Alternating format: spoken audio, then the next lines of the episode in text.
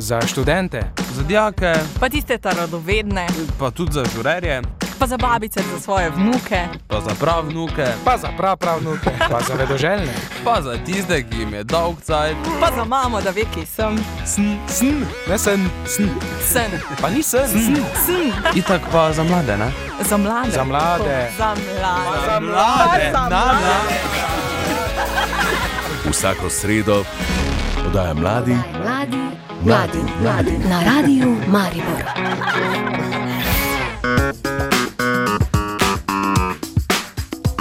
Pozdravljeni v oddaji Mladim mladim. Upam, da ste se v preteklih dneh, ko smo obeleževali Dan zaljubljencev in pust, privoščili kakšen trenutek zase in svoje najdražje.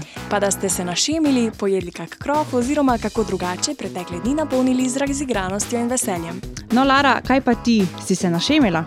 Ja, v bistvu sem se res uh, v sklopu družinskega druženja v soboto malce našemila. Bila sem Charleston plesalka uh, in sicer iz 1920 let. Wow. Kaj pa ti? Ja, sama se ravno nisem, sem pa se zato toliko bolj mastila s kropi. Danes smo z vami Lara Krneža, Maja Rehar in tonski tehnik Martin Možina. Sedaj pa še na hitro, o čem bomo sploh govorili. Urban Ferčec nam bo predstavil aplikacijo ActiMatch.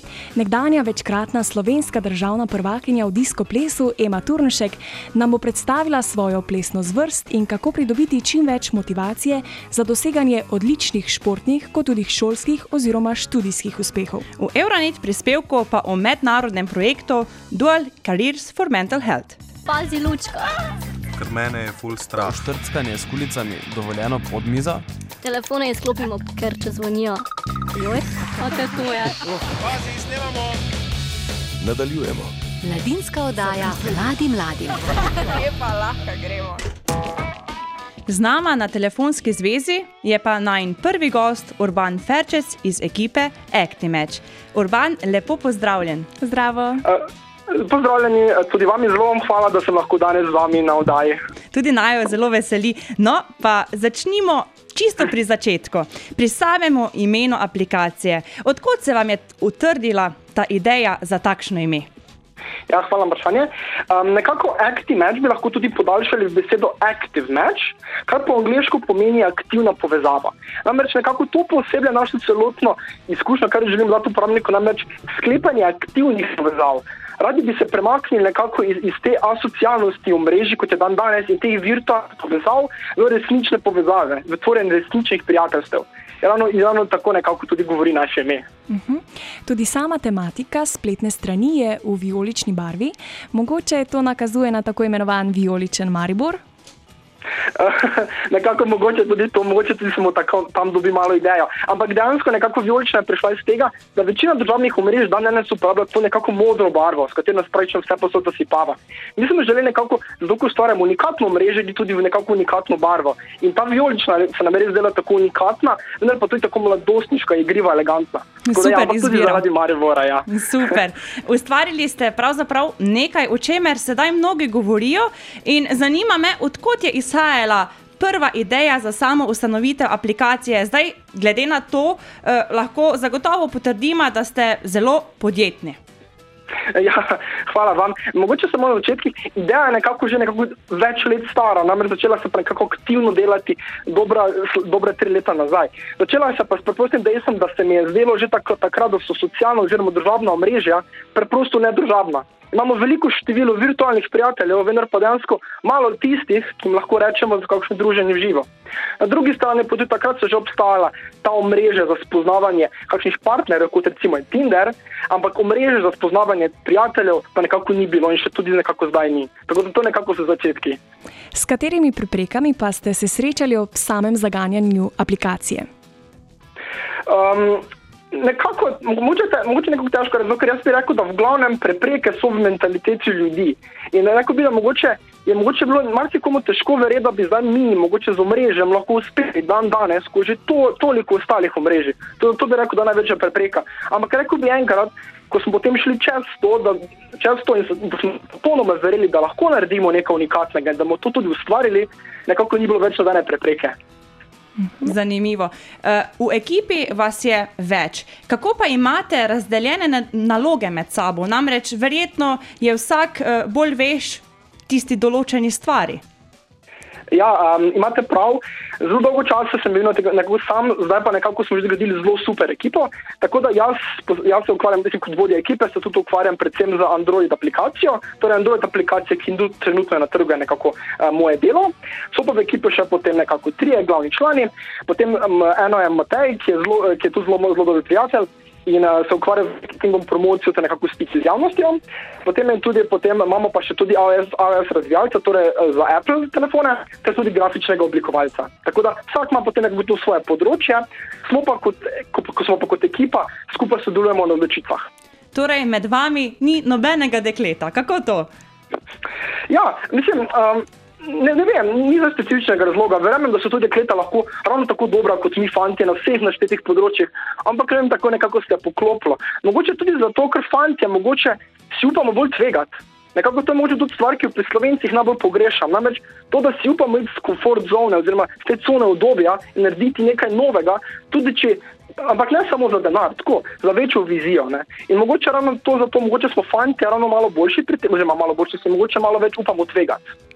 Mogoče, je. Se popolnoma strinjam, ker namreč pravijo, da kadar greš v podjetništvo, moraš biti predvsem pripravljen kot na spone in pa tudi pace. Ne? Ja, ja, se strinjam. Um, to mogoče tudi ravno zanimivo, ker jaz nik- ne izhajam iz podjetništva. Namreč jaz sem, jaz sem po izobrazbi naravoslovec, imunolog. In ravno zaradi to zanimivo, s kakšnimi izzivi se zdaj vse srečujemo. Ampak imam pa to nekako srečo, da mi je podjetništvo zelo zanimivo. Ne? Tako recimo, da sem iz tega programiranja zelo z veseljem prešel tudi na to podjetništvo. In ravno to mi je zanimivo, tako neko stvariti nekaj novega. Namreč je toliko novih izzivov, toliko novih stvari se dogaja in to recimo meni osebno je zelo všeč. Tako da vsakemu, ki je, ki je tako za nove stvari, da se vedno nekaj dogaja, je podjetništvo gotovo dobra ideja. Res je, omenil si svojo formalno izobrazbo. Eh, ti pomaga kaj pri sami poslovni poti? Um, ne najbolj, mogoče za vse tiste, ki niste razslišali, sem noče imunolog, magistriran imunolog. Ne pomaga mi direktno, ampak jaz bi rekel, da mogoče me je to naučilo drugačnega tipa razmišljanja.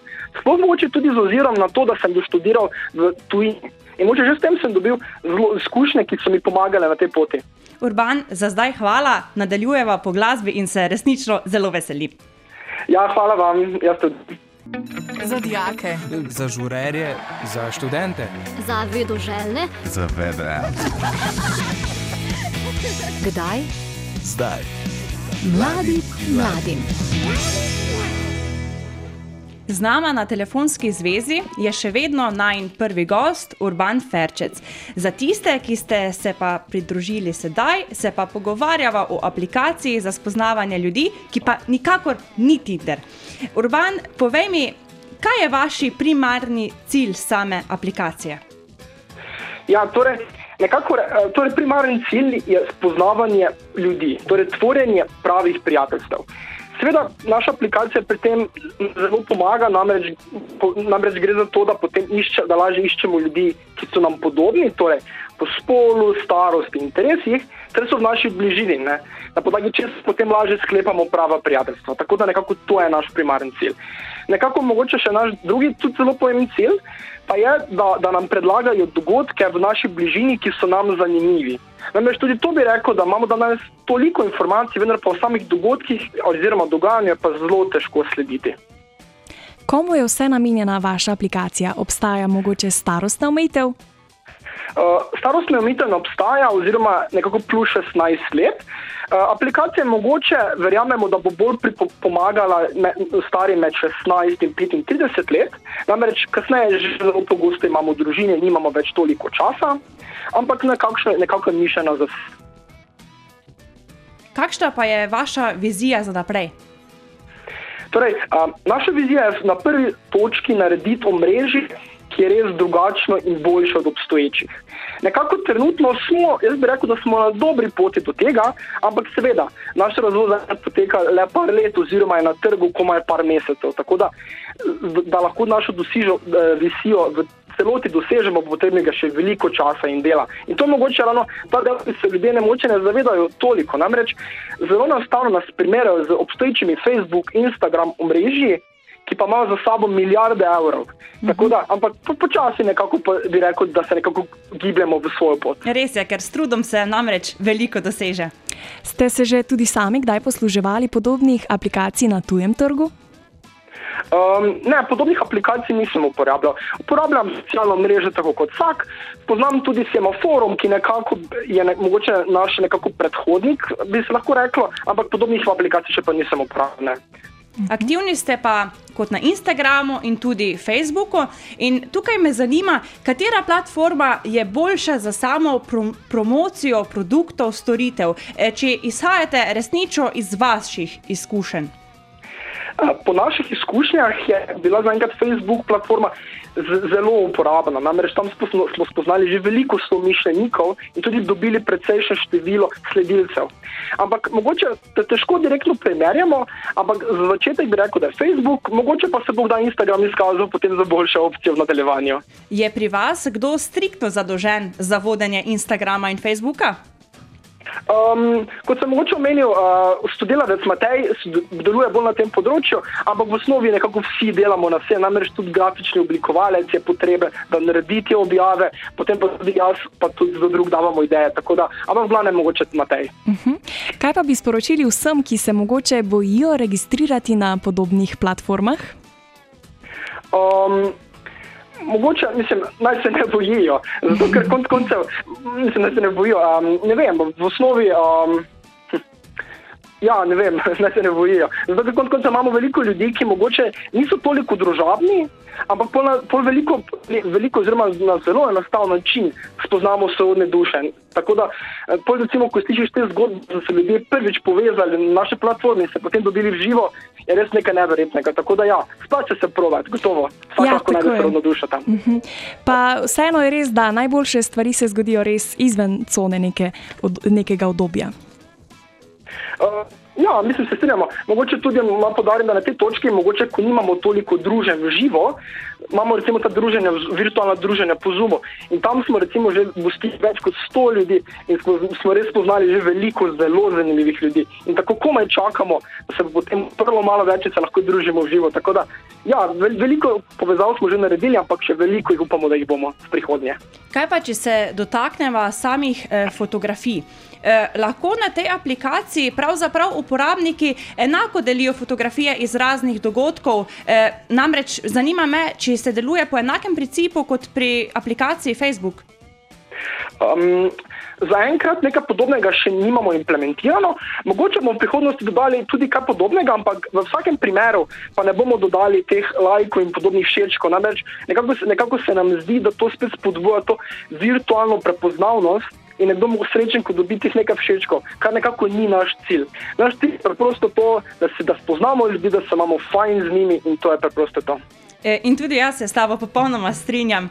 Eh, Zahvaljujeva se ti resnično za ta zelo prijeten pogovor in želiva še veliko podjetniških us- uspehov. In zdaj se bom znova ponovila, kot sem se že v prejšnji oddaji, da dober glas seže v deveto vas in jaz resnično verjamem vas. Adijo.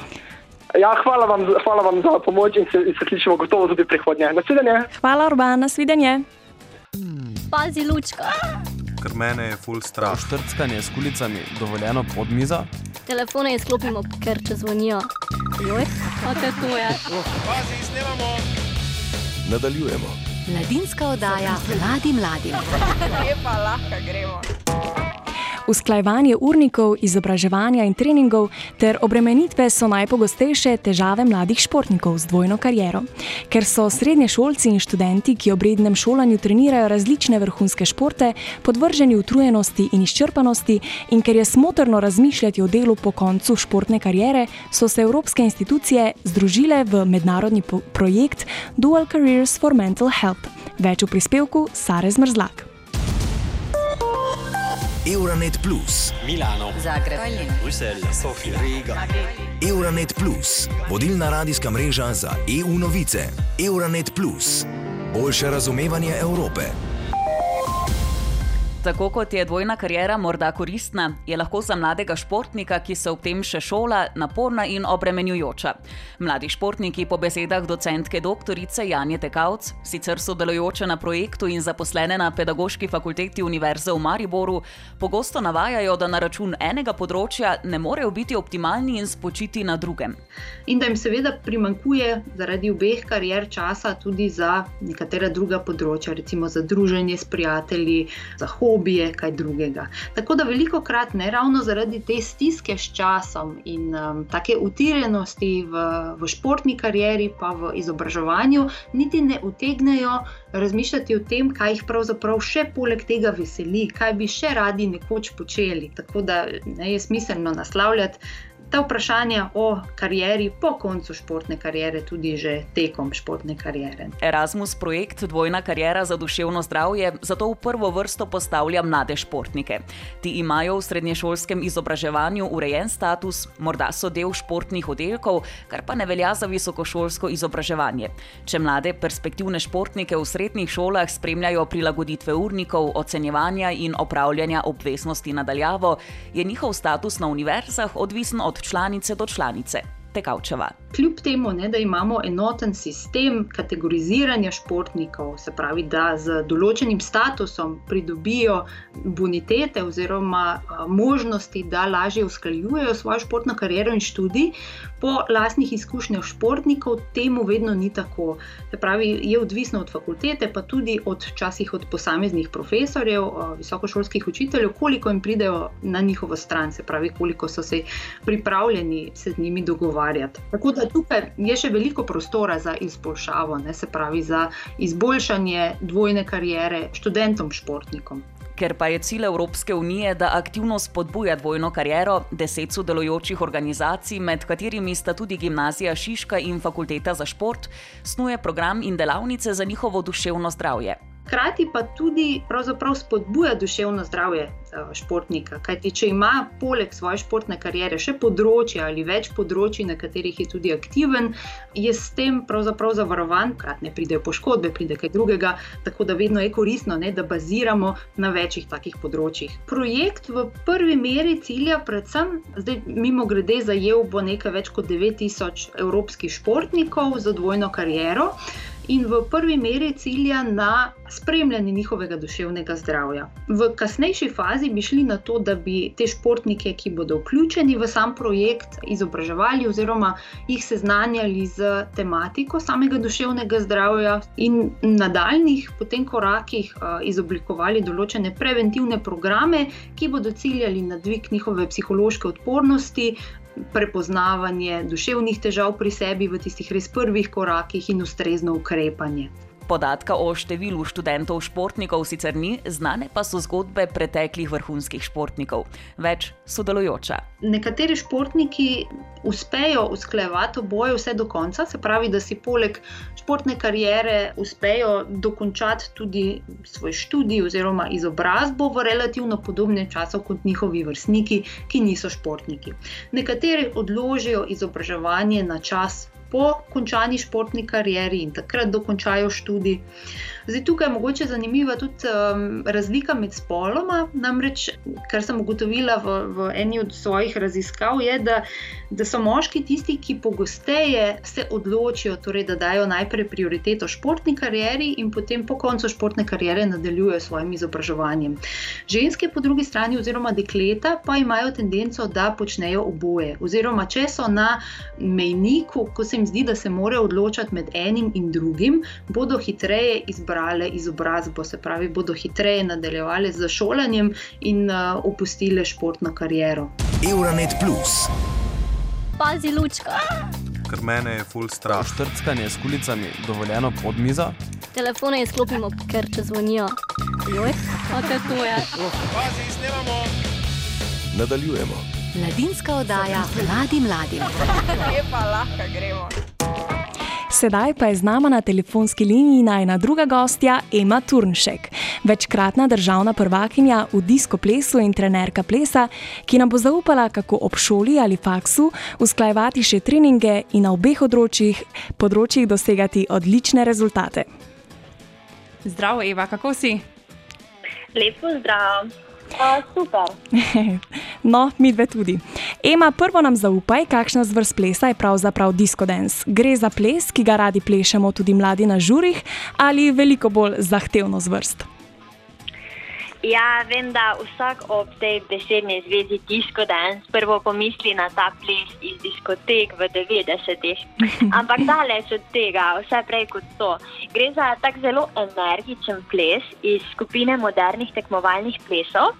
Uh, pleše se na tak zelo hiter tempo, tako da za malo boljšo predstavo. Plesalec v minuti naredi tudi več kot 140 gibov, um, vsebuje elemente iz jazza, um, recimo raznoške um, piruetke, razne obrate.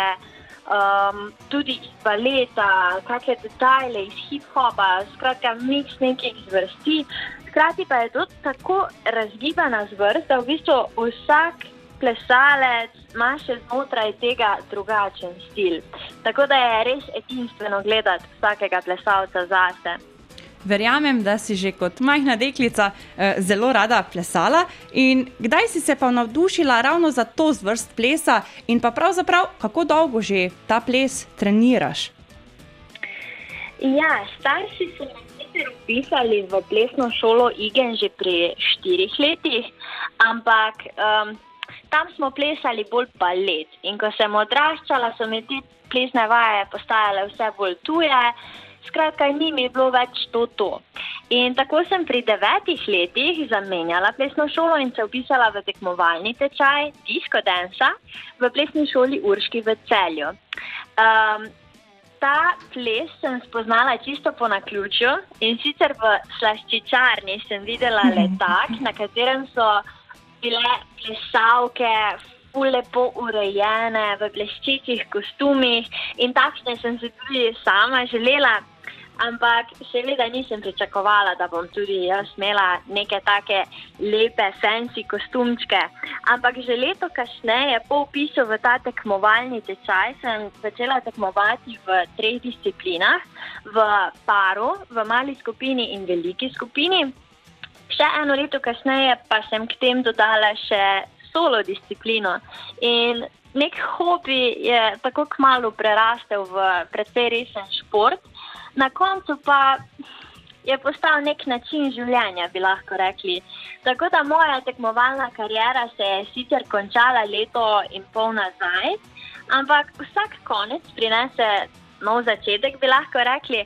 Tako da danes imam ta privilegij, da lahko zdaj ples doživljam še iz druge plati, uh, iz druge strani odra, tako da predajam svoje pridobljene izkušnje, pa veselje do plesa mlajšim generacijam. Odlično, Ema, zelo lepo povedano. Eh, glede na to, da ukvarjanje s profesionalnim športom vzame veliko časa, kot tudi energije, nas zanima, kako si usklajevala šport in šolo in bila na obeh področjih tudi zelo uspešna. Kje si črpala vso motivacijo?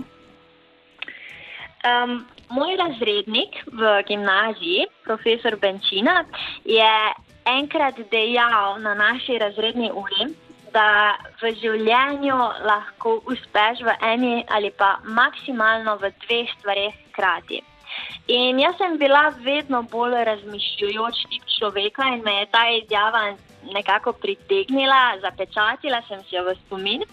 In tako sem ob svojem perfekcionizmu, ambicijah. Um, z lahkoto v bistvu žrtvovala neke stvari, ki mi niso predstavljale neke, neke želje, niso mi dajale nekega, kaj pa vem, ognja. Ampak na ta dva področja sem se res fokusirala, stoprocentno in jo postavljala kot prioriteti, torej izbrala sem šolo in pa ples. Tako veliko nekih odrekanj, ne le od zabav, pa tega povprečnega mladostniškega druženja, um, ampak tudi veliko dopustov, veliko izletov, nekih drugih doživetij sem zamenjala za, za ta dva, za moja zlata, um, zlata vodila skozi srednjo šolo, skozi praktično mladostniško življenje. Um, kaj pa motivacija? Hm. motivacija mi je bila v bistvu vedno neka želja do uspehov. Vedno sem si želela nekega določenega rezultata, pa naj bo to petka, naj bo to um, želja po sprejetju na določeno fakulteto. Um, na plesu so bile to vedno stopničke, ne, če ne zmaga. Um, ampak prvo so bile vse to želje, potem kasneje so se spremenile v cilje. In ja, na koncu so postale tudi realnost. Super, Ema za zdaj hvala, vrnemo pa se po glasbenemu predahu. Pazi, lučka. Ker mene je full strah. Štrckanje s kulicami dovoljeno pod mizo. Telefone izklopimo, ker če zvonijo. Joj, kako te to je? Pazi, snemamo. Nadaljujemo. Mladinska oddaja mladim mladim. Lepa, lahko gremo. Z nama na telefonski liniji je še vedno večkratna državna prvakinja v disko plesu, odlična plesalka in trenerka plesa. V drugem delu pogovora nam bo zaupala še, zakaj se odločiti za profesionalno ukvarjanje s športom in kaj so prednosti tega. Ema, zdravo! Zdravo, pozdravljeni nazaj.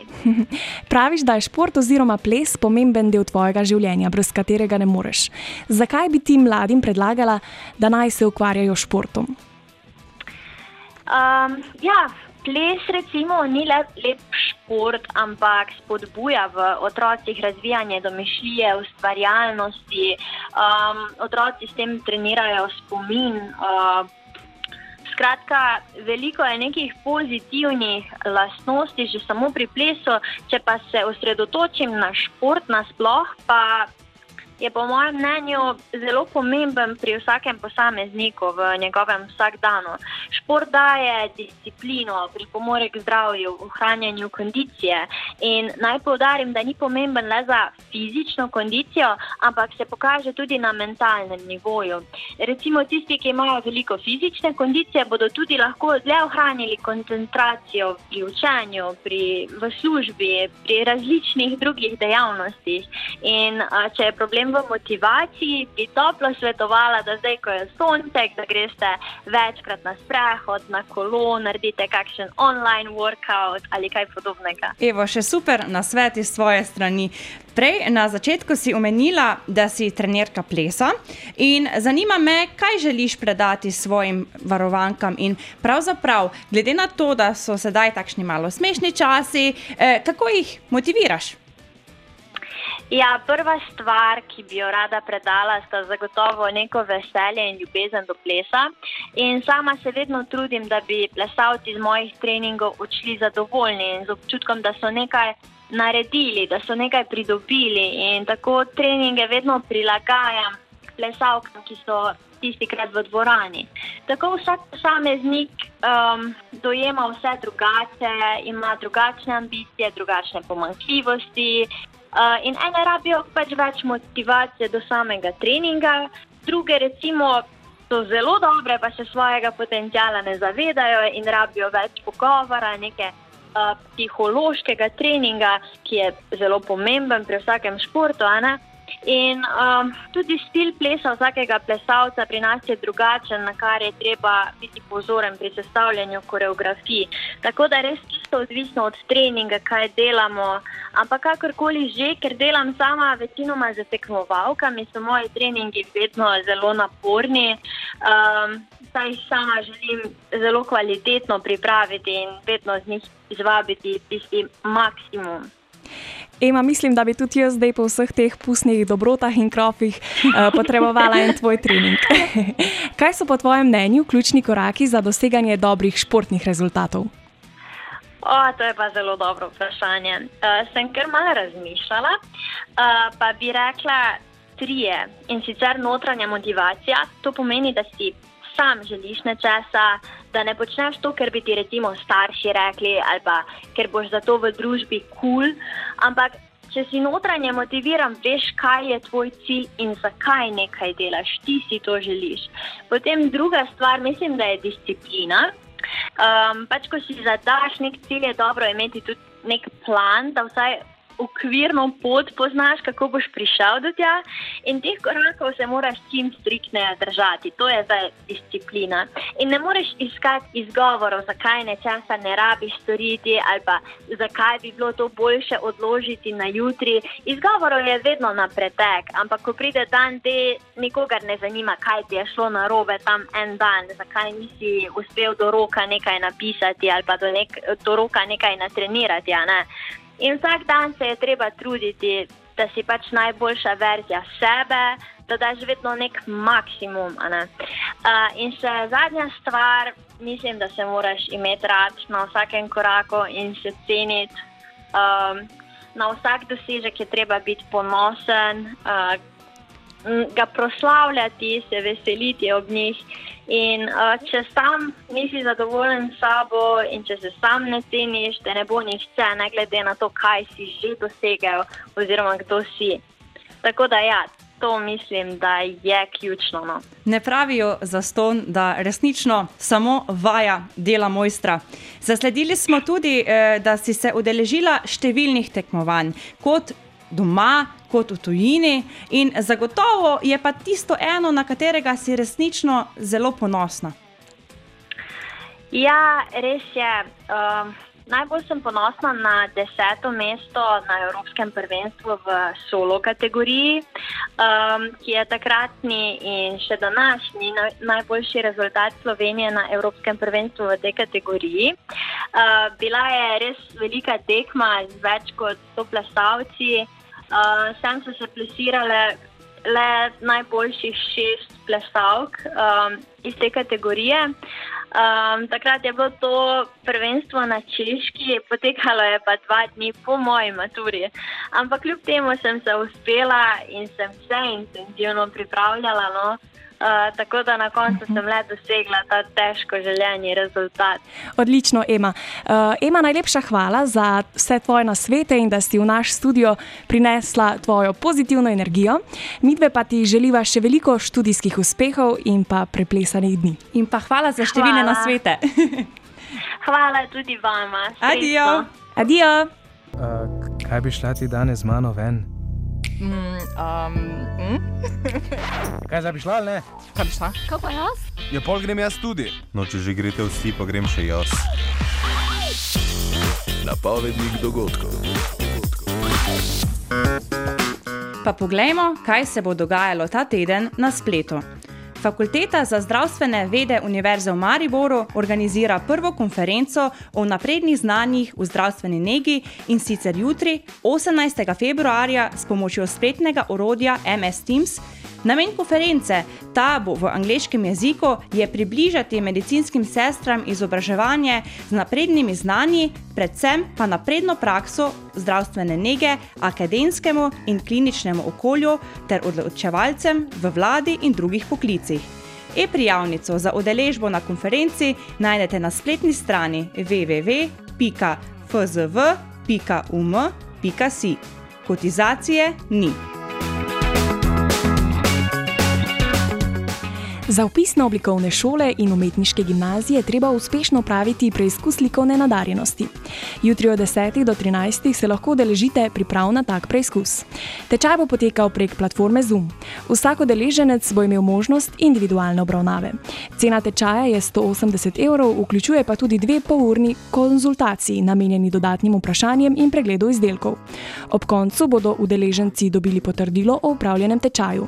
Dodatne informacije in prijave po, po pošljite na naslov dejavnosti afna.ng-lo.si. Imamo še eno povabilo. Prisluhnite nove epizodi spletnega formata knjižnih dogodkov Beletrina v živo. Novinarka Nina Ciljan se bo pogovarjala s pesnico Cvetko Lipoš ob njeni pred kratkim izdani zbirki Odhajanje za začetnike.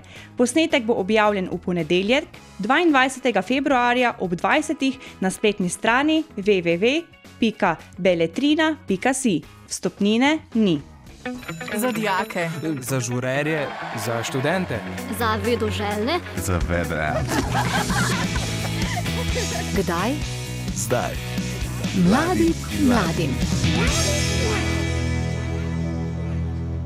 Se sprašujete, kdo vse je bil danes z vami? Z vami smo bili Lara Krneža, Maja Rehar, Sara Zmrzlak ter tonski tehnik Martin Možina. Adijo! Adijo!